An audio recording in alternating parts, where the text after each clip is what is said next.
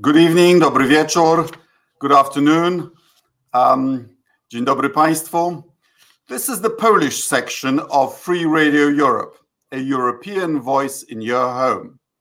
We have a broadcast in the time of plague, this time transatlantically, from Chobielin here in Poland and from the United States, New Jersey, where yours and my guest is the congressman for New Jersey's 7th district, Tom Malinowski. Welcome to the show, Tom.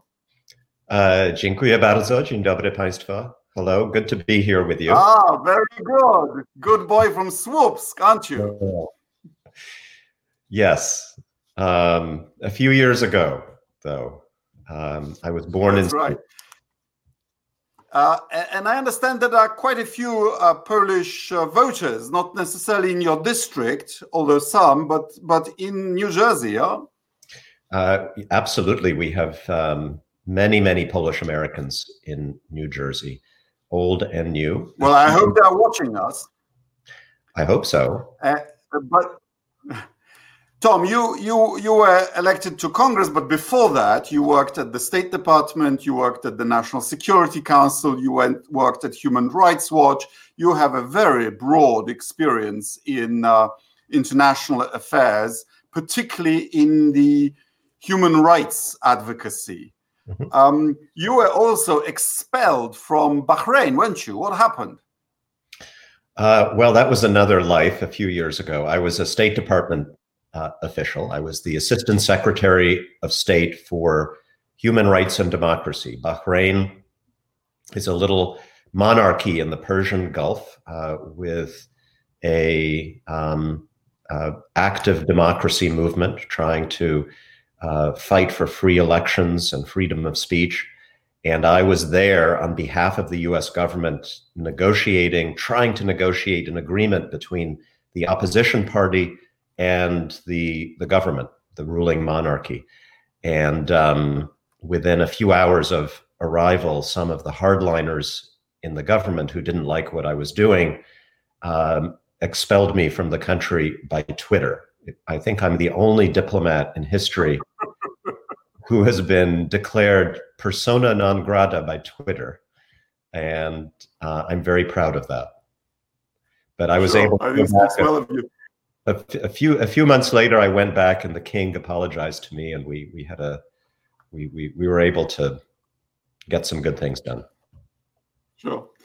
You went to Oxford, uh, St. Antony's College, to do your master's. You were a Rhodes Scholar. Not everybody in Poland knows how prestigious this is. Um, and you wrote speeches for uh, Warren Christopher, Madeleine Albright, and President Clinton, uh, some of their foreign policy speeches. So some of those um, those uh, initiatives of the Clinton administration, such as for Poland to join NATO, you were on that team, weren't you? I was I, I was a very um, active uh, participant in uh, building that policy to expand NATO in 1995, 96, 97, when we were debating it vigorously inside the Clinton administration. And then I was with President Clinton uh, on Plac Zamkowy in uh, 1998 for um, All right. That was a good admission- speech. that was good. Not, I remember the headline in Gazeta Wyborcza. Na to czekałyśmy. Although I have to tell you, Bush's speech at the at the uh, university in June 20, just before 9/11, Mhm. uh, was was excellent too. Uh, I, I I remember that, and, and it was. So But you also, in your uh, role in government, um, you were in favor of, uh, uh, well, first of all, at human rights, um, you were in favor of the closing of Guantanamo Bay, but it's still open, isn't it?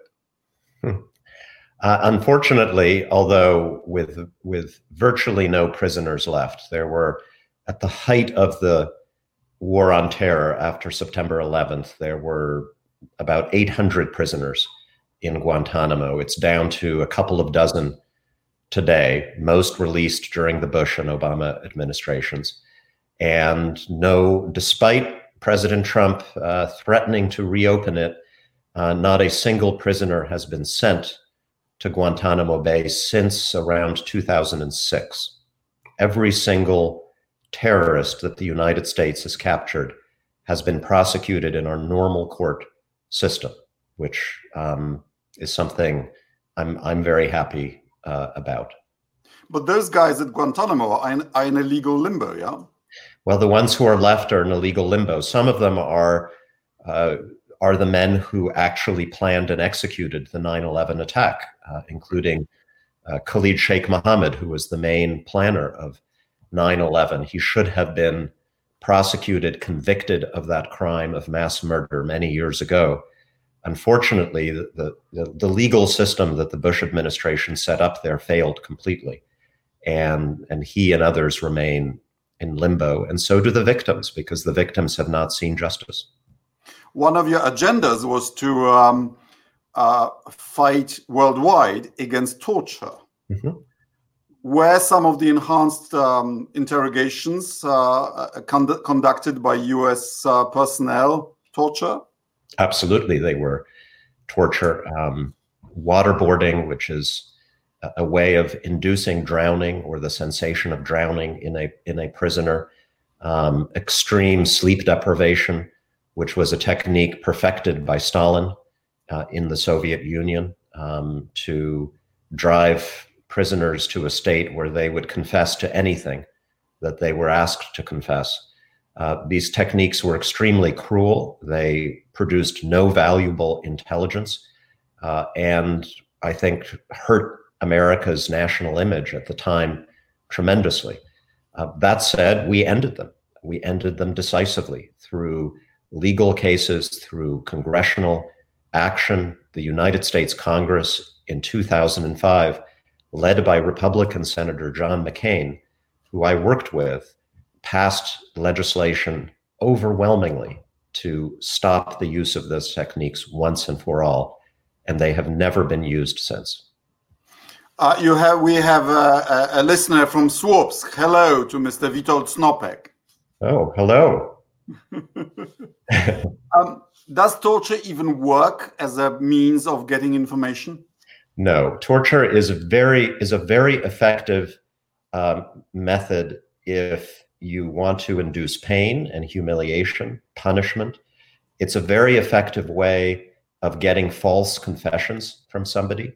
Um, most people eventually will break under torture and tell their interrogator whatever the interrogator wants to hear, whether it is true or not.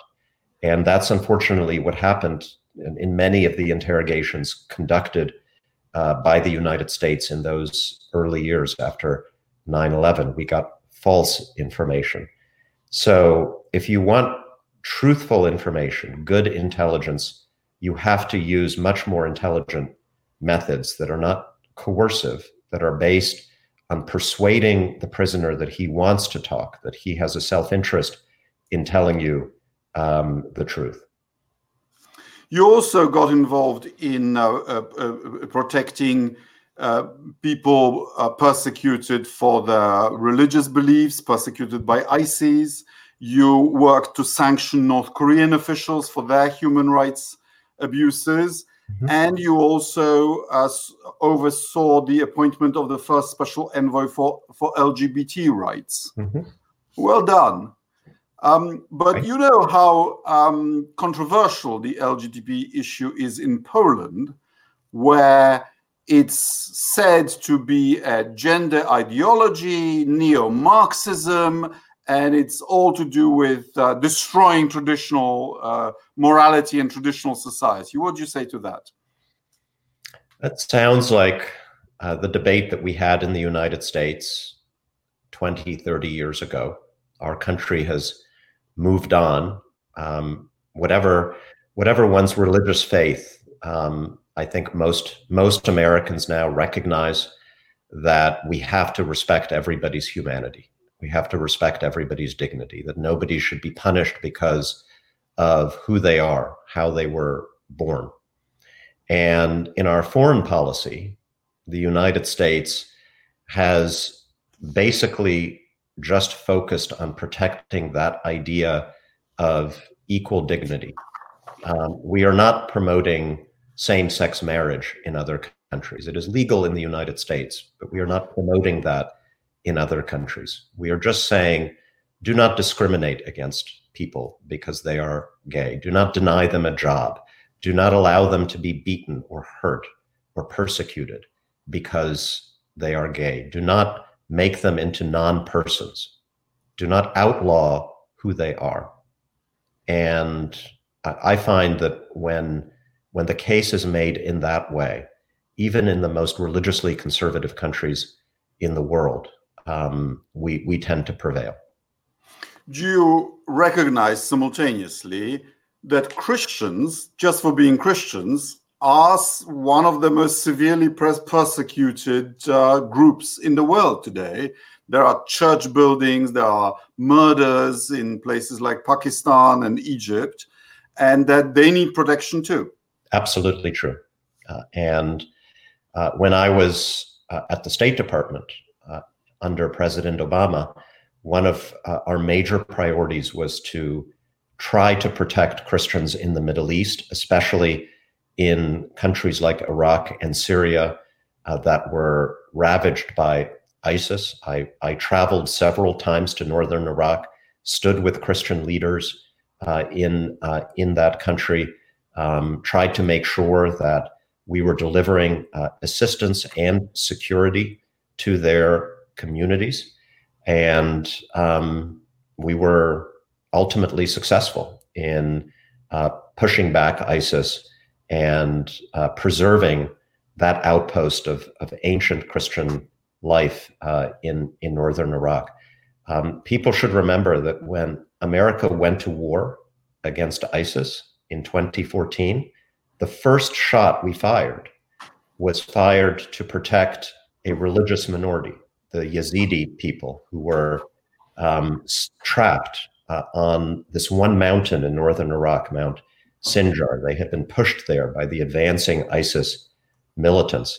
And President Obama made the decision at that moment to go to war to protect the people on that mountain and allow them to be safely brought uh, off uh, away from certain death. That's something I am hope, very proud of. I just hope some of the uh, nationalist and uh, and fundamentalist uh, people on the right in Poland are hearing what you're saying now, which to me is obvious, but is not obvious often in Poland, namely that protecting minorities, sexual minorities, religious minorities, also when they're Christian, is part of the same package. That there is no contradiction between this. It is exactly the same package. It it it, it comes down to the simple idea that every human being has equal rights and equal dignity, no matter who they are, how they were born, what um, what their religious faith is. That that simple idea is at the heart of the Universal Declaration of Human Rights. It is what the United States has stood for at our best around the world. It is what Poland has stood for at its best around sure. the world. You also supported President Obama's Affordable Care Act, which has been partly dismantled, but it is somewhat market based, isn't it?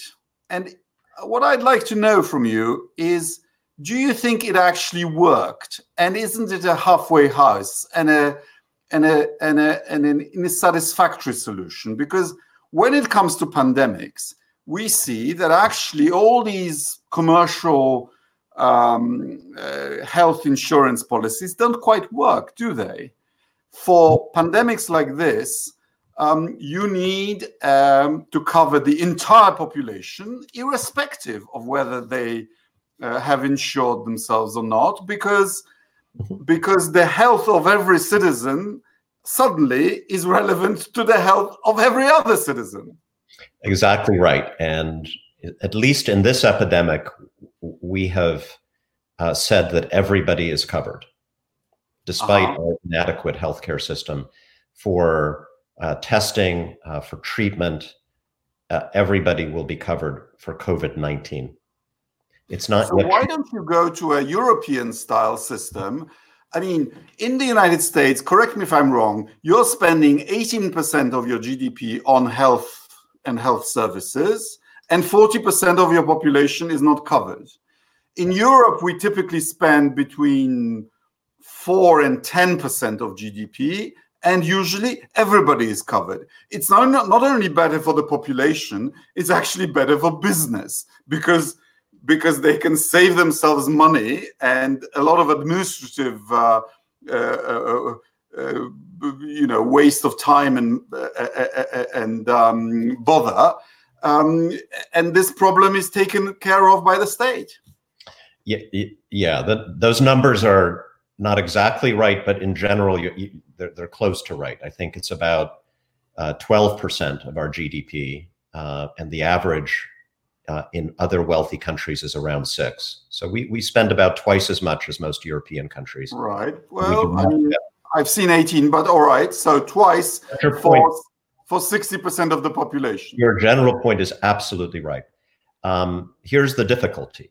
Uh, we many European countries started with a mostly state run healthcare system. Mostly. No European country is 100% um, state run, but mostly. Um, we, our starting point in the United States is private health insurance, private medicine.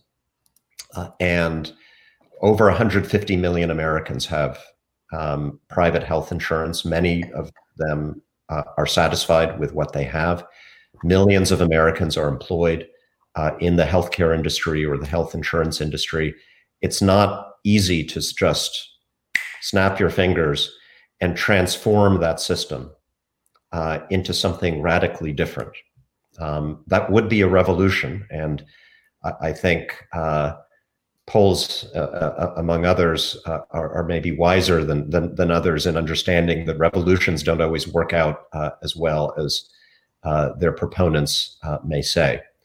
Um, so uh, the Affordable Care Act was was meant as uh, a transitional uh, phase, in in my view, um, and it was very inadequate because it did not include one very important provision that I have been pushing, that Joe Biden is pushing in this presidential campaign, and that is to give every American at least the option, at least the choice to buy into a public state run plan.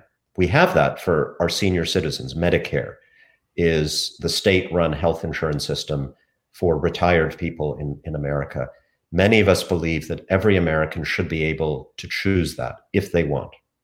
And then through market choice, Americans could, if they choose, move towards a system that's more like the European system, but without sudden revolutionary change. Gotcha. Well, here we are on on on health. Um, where are you physically, and what are you doing about this pandemic? I'm in my house in New Jersey, uh, in uh, a little town called Ringoes, very very small rural town, and um, we are. Congress is not meeting for the most part. We are doing our work uh, virtually by. Can you vote remotely? Uh, we cannot vote remotely, and and we are far behind the European Parliament and many other parliaments in that respect. Uh, I have been pushing for remote voting, remote committee hearings, and uh, it has not happened yet. Mm-hmm. Do you have a supply of bleach?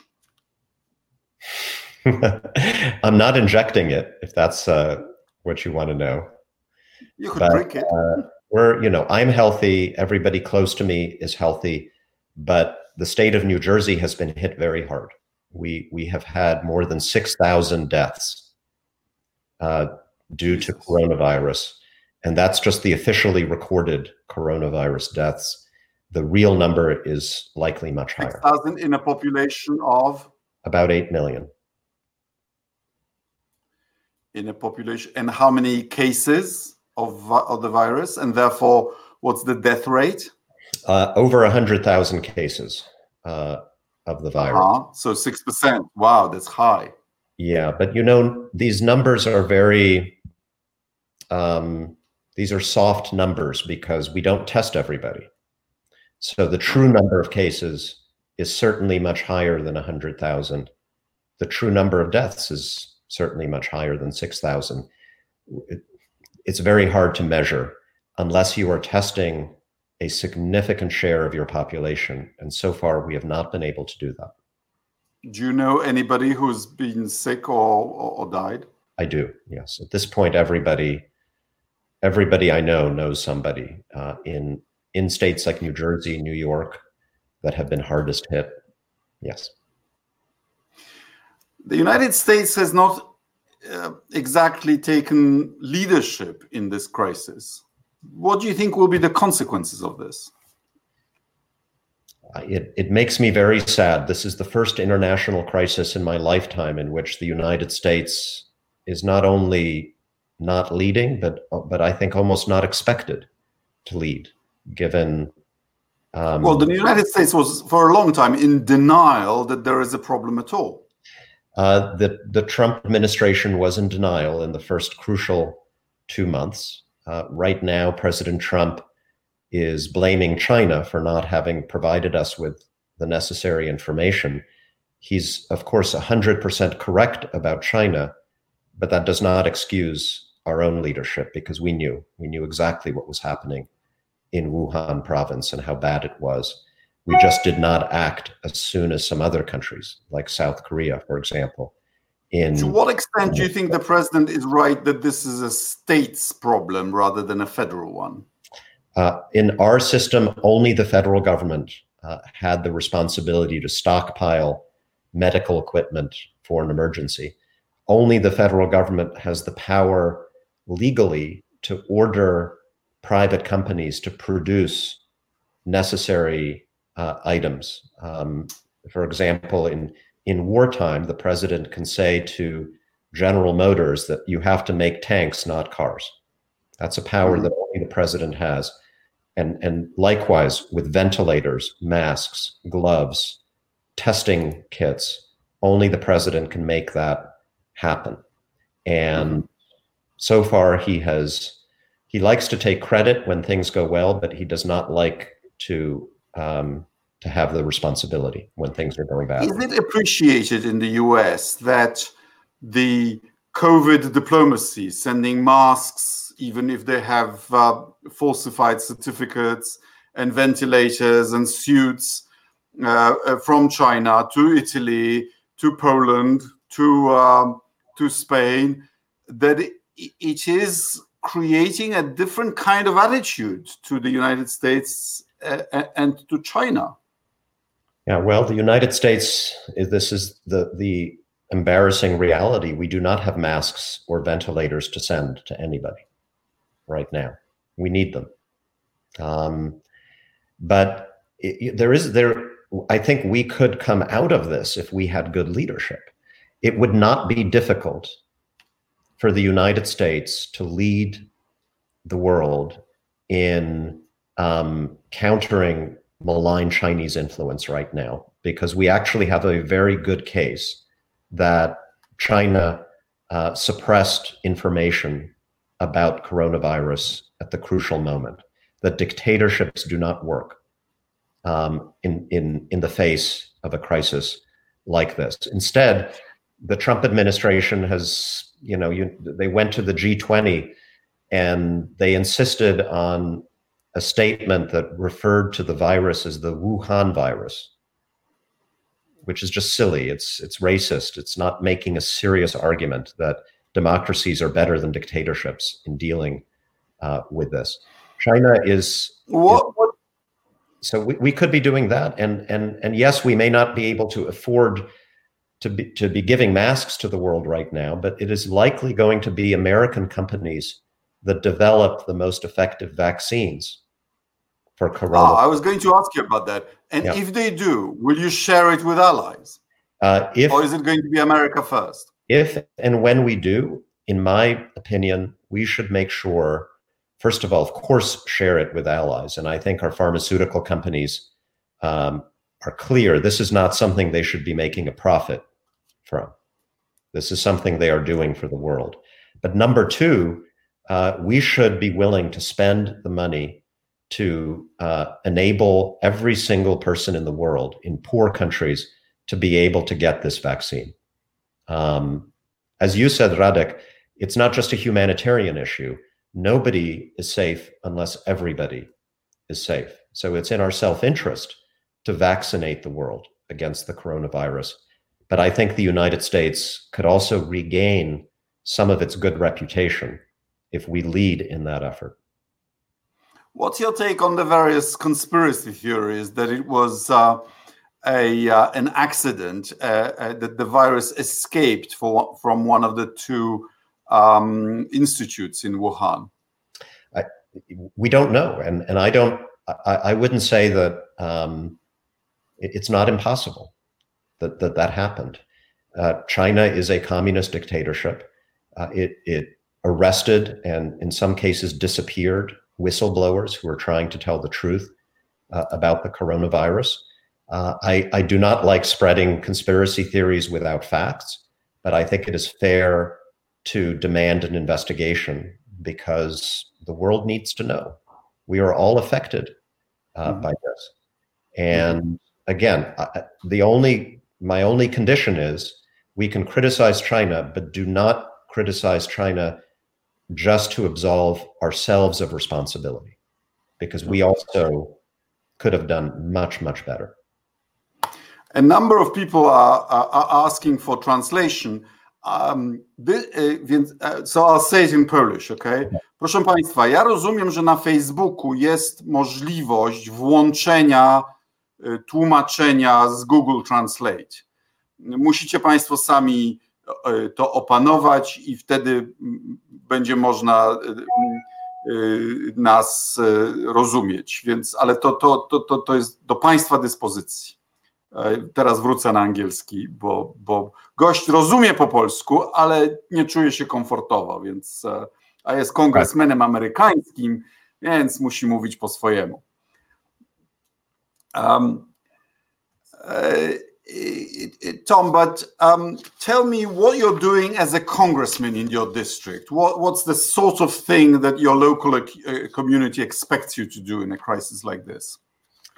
Uh, right now, uh, it is to make sure that we get the help from Washington, from the federal government, to be able to survive this crisis. We have uh, incredible unemployment now in the United States because it's what sixteen percent, uh, up to twenty percent. We shut down the economy. It's uh, it's not a normal economic crisis. The the the economy was quite strong in in the United States, but we put. But in the U.S., if you're an ordinary American who whether or not you get you you are in a job you you've got what? One or two installments of twelve hundred dollars just to tie you over yeah? So um, every american who made less than $75000 in income last year got $1200 their children got $500 each.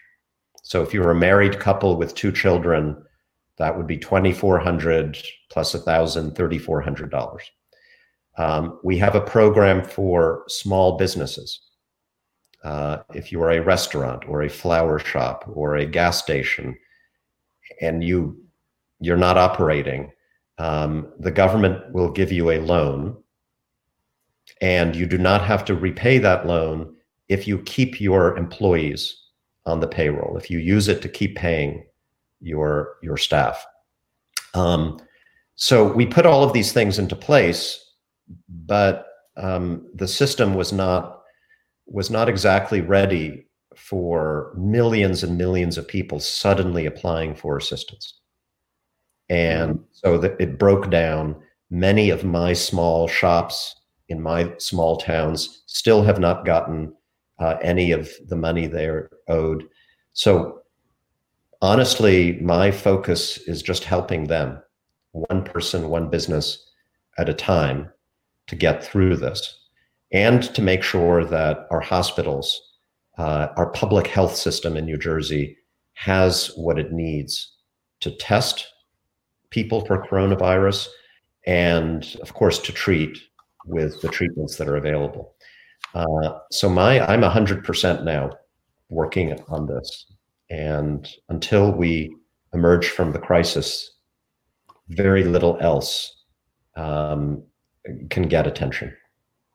Not everybody in Poland knows that US congressmen such as you get re-elected uh, every two years. Mm-hmm. So actually, you're you're running running. Are you are you able to conduct a, a campaign? Uh, I mean, we have a presidential campaign right now, uh, during which the challenges to the incumbent are, are under lockdown. Mm-hmm. Um, how are you managing your campaign? Uh, we can't. I, I can't go out and meet people. Um, mm-hmm. I can't do any of the normal things that you do in an election campaign. The same is true of the other side, the the person who is running against me. So it's equal. Um, but I can speak to people virtually. And so uh, every day I am speaking to tens, hundreds, sometimes thousands of people on video platforms, on uh, big telephone uh, meetings. When is your election due? Uh, the election is in November. Ah, right. And will it be traditional or postal? How, how, how, how will you actually cast your ballots? We don't know. Uh, in New Jersey, we have the option to cast ballots by mail. And uh-huh. one of the, uh, not every state allows that for every voter. And so we have been pushing, mm-hmm. I have been pushing in the US Congress to require every state in the country to allow postal voting for everybody. Mm-hmm. We have to be ready. Mm-hmm. Uh, we don't know in November if this is going to be behind us or not. This is extremely controversial in Poland now because the government is trying to bring a postal voting law, yeah. which they might get through to uh, uh, through Parliament around the sixth or seventh of May for an election that is currently scheduled on the tenth of May and may happen as late as 23rd of May. Um, if you were to have a postal ballot for the first time in history, I mean, in Poland, for the first time in history, 30 million people would have to do it through a completely new system. I mean, how long does it take in the US, in a US state, to, to organize a postal ballot properly? Hmm. I think if I were to ask my state authorities in New Jersey, they would say they need at least several weeks to organize a new system because, well, you have to count those ballots. Um, you you need to have a way of being confident that they are valid. And one thing that is necessary in any democratic election is 100% confidence. Both sides have to accept the result. Both sides have to believe in the system for counting those votes. And that does take some time. Mm-hmm. Um, let uh, Joe Biden is leading in the polls. Um, say he wins. Mm-hmm. Do you think it's going to be easy to restore confidence in the United States after so many, after Lehman Brothers, after WikiLeaks, after Iraq. I mean, are you surprised that we, after the bleach, for Christ's sake, are you surprised that that we doubt American leadership here in Europe right now? No, of course not. But it's not the first time that I've heard Europeans doubt American leadership. So, what what would Joe Biden have to do to reestablish America as the leader of the free world? Well, I think he would have to believe in America as the leader of the free world, which I don't think President Trump does. Um, I don't think President Trump makes any distinctions between free countries like Poland, Germany, France, uh, and Russia, China, Saudi Arabia. He he he does business with whoever he thinks likes him personally, um, and doesn't really understand the the, the the the foundations of America's alliances with countries that share our democratic values. So the first thing is to have a president who understands that, who returns to that tradition. I, I think that that Joe Biden would base his foreign policy first and foremost on NATO, on the European Union, on our alliances with democratic countries in Asia, such as Japan and South Korea and Australia, um, with the goal of defending democracy, with the goal of defending the rule of law. And I still think, uh, although it will be America's responsibility to regain that trust, we, we, we aren't entitled to it as a matter of course. I do think there is great demand in the world for a country that exercises leadership uh, in the service of those goals. Nobody else can do it. Russia certainly can't do it. China can't do it. They don't want to do it. They want to destroy the international system. And so I think so long as the United States um, is ready to meet that demand, uh, and so long as we acknowledge some of the mistakes that we've made in the last few years, if we're honest about that, then I think it is possible. Mm-hmm. Um, yeah, uh, it's not going to be easy, uh, is it? No. Um, Nothing is. Nothing worthwhile is easy. Sure. Um, but um, uh, this crisis is going to be different because we have uh, a crisis of leadership and a, and a pandemic and a and an unusual economic crisis, which is not just a financial one, but a, a, drop in in both supply and demand at the same time and, and, and deglobalization at the same time. I mean, this last happened in the 1930s, and we saw we saw how that movie ended, and it wasn't pretty. Um, uh, so, do you think nation states can cope with what's coming on their own, or do we need more international cooperation? I, I don't think any nation can cope with this entirely on its own. Um, I think that will be one of the lessons that we draw. You know, when I was uh, the US chief diplomat for human rights, one of the arguments we used to make about, for example, China, is that when you have uh, regimes that uh, that suppress freedom of speech, regimes that arrest whistleblowers, um, regimes that do not allow their own people to question their government, you have problems, environmental problems and public health problems that spread around the world because we are all connected. We all have a stake in each other's success and in how other countries are governed. And here we have a vivid demonstration of that. Um, so look, next year, President Biden, I hope it will be him. One of his tasks will be to try to construct a stronger international public health monitoring system.